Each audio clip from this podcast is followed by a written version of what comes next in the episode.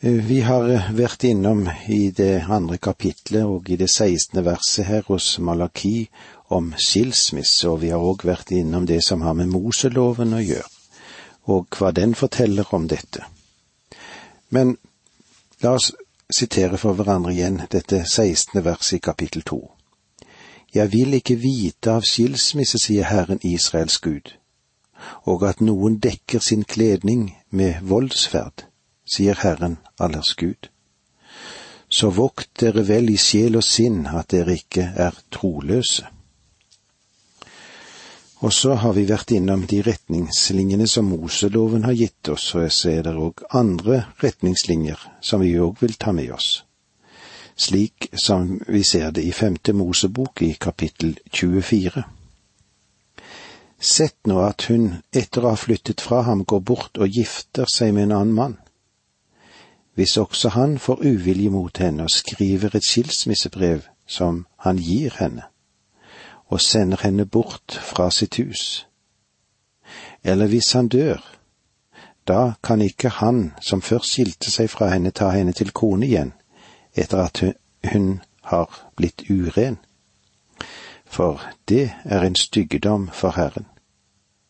Du må ikke føre synd over det landet Herren din Gud gir deg til odel og eie. Det vil si at dette kan virke som å utvikle prostitusjon, og ville føre til mye av det som vi ser i vårt samfunn der mennesket går ut og inn fra det ene ekteskapet til det andre. Og det er å latterliggjøre og bagatellisere en pakt for hvilken Gud hadde de høyeste hensikter. Det problemet som var fremherskende i Israel på Malakis sin tid, er også fremtredende i vår moderne kultur. Vi har endret våre synspunkter på skilsmisse i løpet av de siste ti-tyve årene. Og jeg antar at spørsmålet om skilsmisse er et av de mest kontroversielle temaene som noen bibellærer må stå til svars for, fordi det er så mye forvirring angående hva Bibelen sier om dette problemet, også når det gjelder tolkninger som spriker i alle retninger. Dette spørsmålet er en varm potet. Du kan ikke påstå at det ikke er grunner for skilsmisse selv om det var den felles forståelse for kirkene slik som det var for hundre år siden. På tross av at det er noe som Gud, Guds ord har å si og gi oss. Den Herre Jesus gjorde to ting helt klart når det dreide seg om skilsmisse. Det første, Moses har tillatt skilsmisse på grunn av menneskenes hårde hjerter. Og det andre, det er et klart grunnlag for skilsmisse der det er hor inne i bildet, utroskap, enten fra mannens side eller fra hustruens side. Legg merke til hva det står i Matteus 19, 3–5. Noen farisere kom for å sette ham på prøve, og de spurte.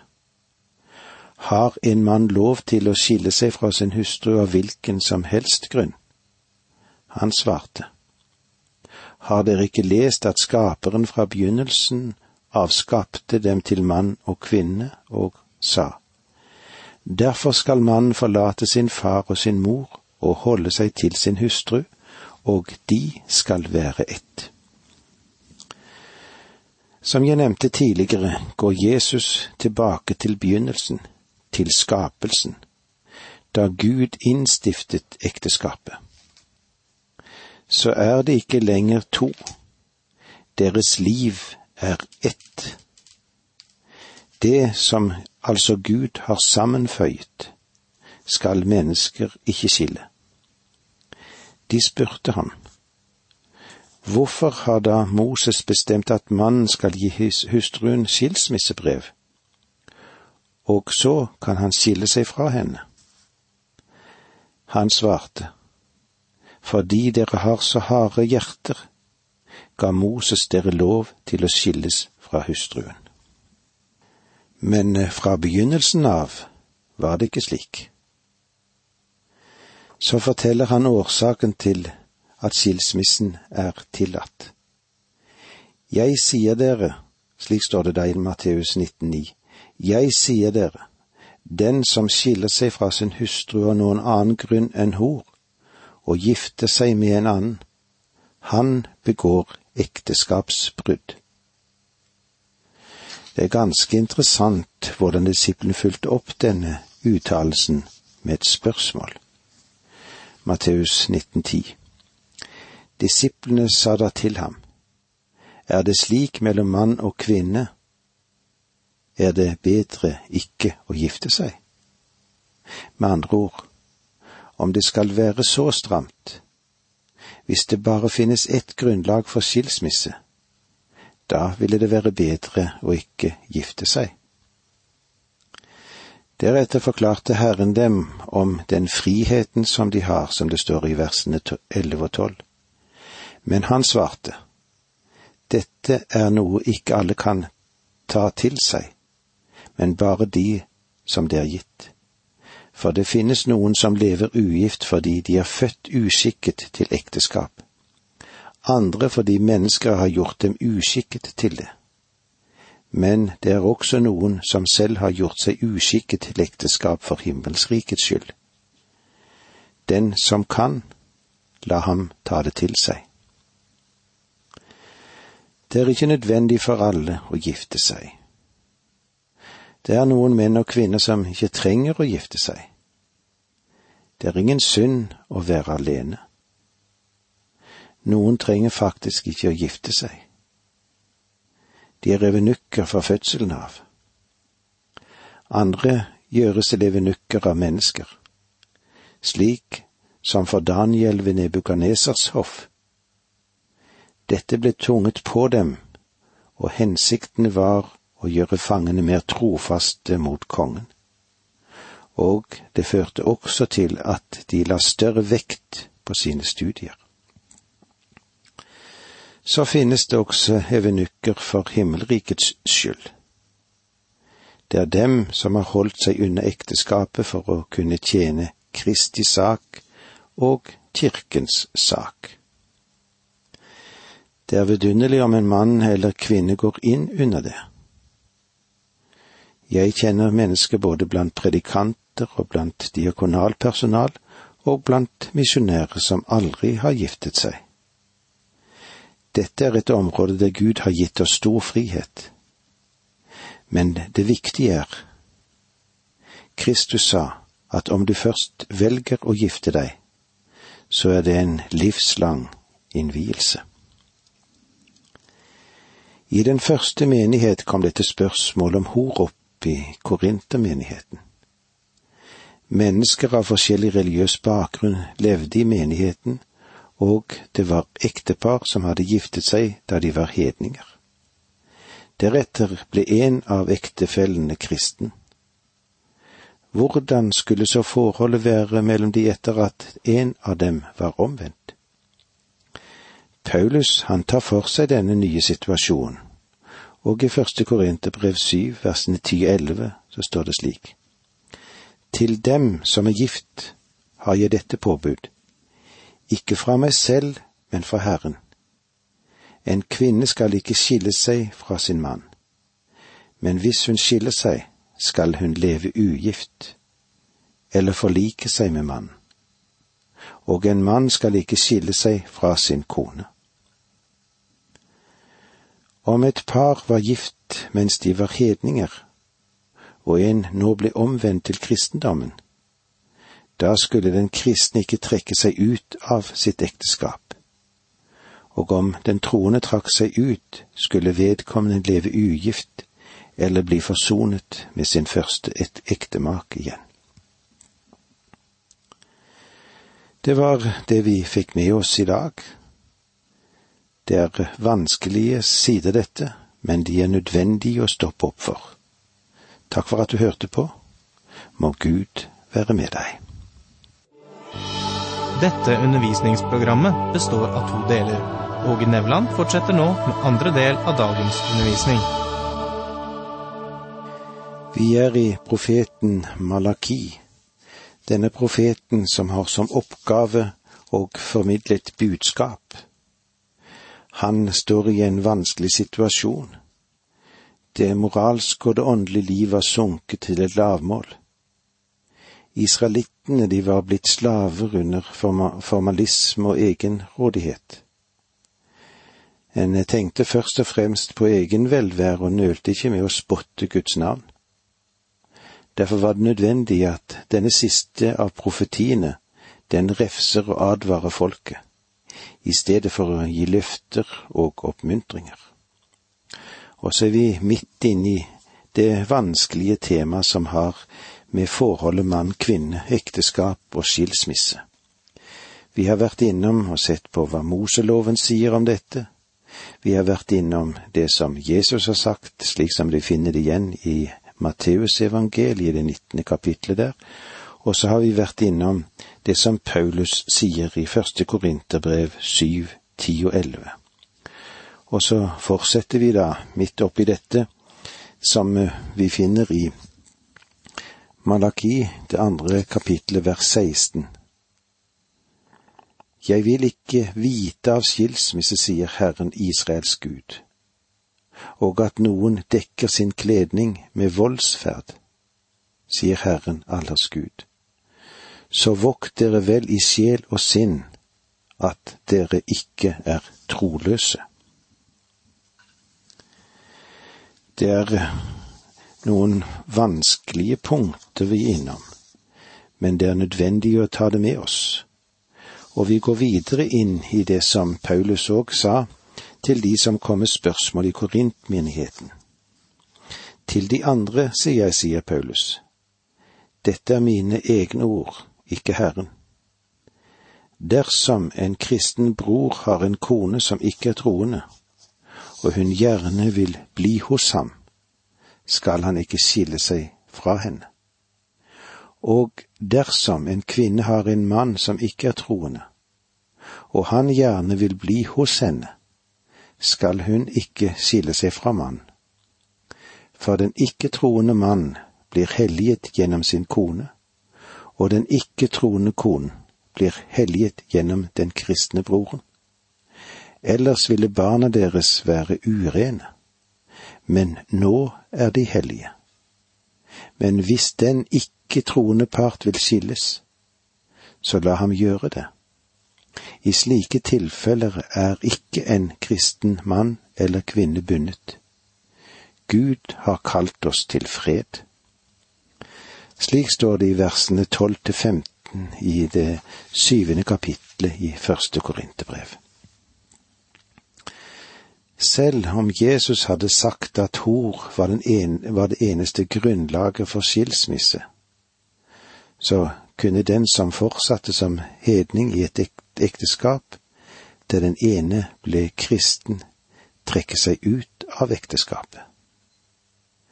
Etter, at ens ektemake var blitt en troende, så kunne den hedenske part kanskje si, Jeg liker ikke dette forholdet. Nå er tingene vesensforskjellig fra da jeg giftet meg med deg. Jeg trekker meg ut av ekteskapet. I en slik situasjon sier Paulus at en skal la den ikke-troende gå. Der den vantroende trekker seg og gifter seg igjen, så vil det i denne situasjon bety at en troende ektemann eller hustru vil være fri til å gifte seg igjen. Når Paulus sa at i slike tilfeller er ikke en kristen mann eller kvinne bundet, hva består da dette bundet av? Det dreier seg om ekteskapsløftene. Når han sier Gud har kalt oss til fred, tror jeg at han sier at Gud ikke ber noen mann eller kvinne å leve i et helvete i hjemmet. Aldri. Om de finner at de ikke kan gå sammen, at de kriger som hund og katt, bør de da tenke på separasjon? Det betyr ikke at de skal tenke på skilsmisse, men prøve å finne et grunnlag å kunne leve sammen på et, et eller annet vis igjen. Deres problem er ikke skilsmisse. Problemet er ekteskapet. De burde kanskje ikke ha giftet seg i utgangspunktet. Gud har kalt oss til fred. Derfor er et hjem ingen boksering, ingen karatematte. Det er et kjærlighetens sted. Et hjem fullt av kjærlighet er Guds ideal for mennesket. Fra begynnelsen hadde Gud ikke til hensikt å gi plass for skilsmisse, men på grunn av menneskets synd så tillot, så tillot han det. Du kan nok si, vel, skilsmisse er synd. Selvfølgelig er det det. Og det er mord også. Men en morder kan bli frelst. Faktisk var det en av dem som døde på et kors ved siden av Jesus, og han ble frelst. Da Jesus Kristus døde på korset, ja, da døde han for all synd. Røveren på korset var både en tyv og en morder, og hans tro på den Herre Jesus Kristus og det blod som han utgjød, frelste ham. En tyv og en morder kan bli tilgitt, og det finnes tilgivelse for skilte mennesker også. Så la oss ikke plassere skilsmisse i en klasse for seg selv. La oss ikke være strengere i dette stykket enn det Bibelen selv er. Dette fører oss nå videre til et veldig vers Malaki har avsluttet, avsluttet en del som har med de sosiale synder i forhold til familien og skilsmisse å gjøre. Dette var synder som åt seg inn som kreft i vitale deler av samfunnslegemet. Og disse forhold vil ødelegge ethvert folk.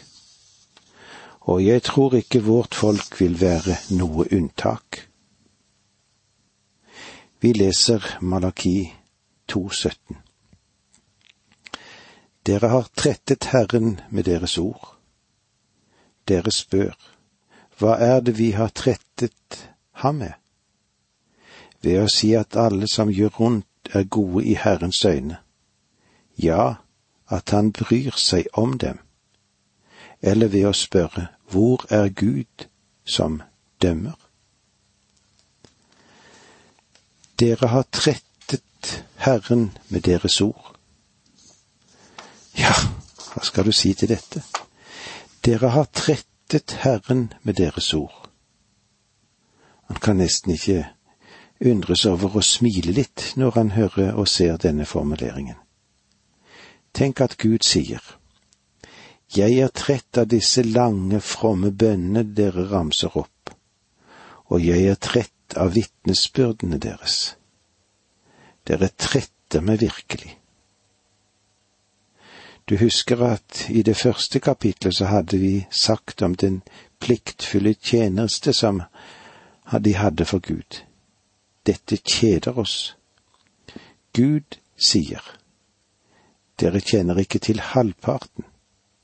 Dere kjeder meg inn til fortvilelse ved det hyklerske området dere beveger dere inn i, og den tjenesten dere ærer meg med. Dere spør, hva er det vi har trettet ham med?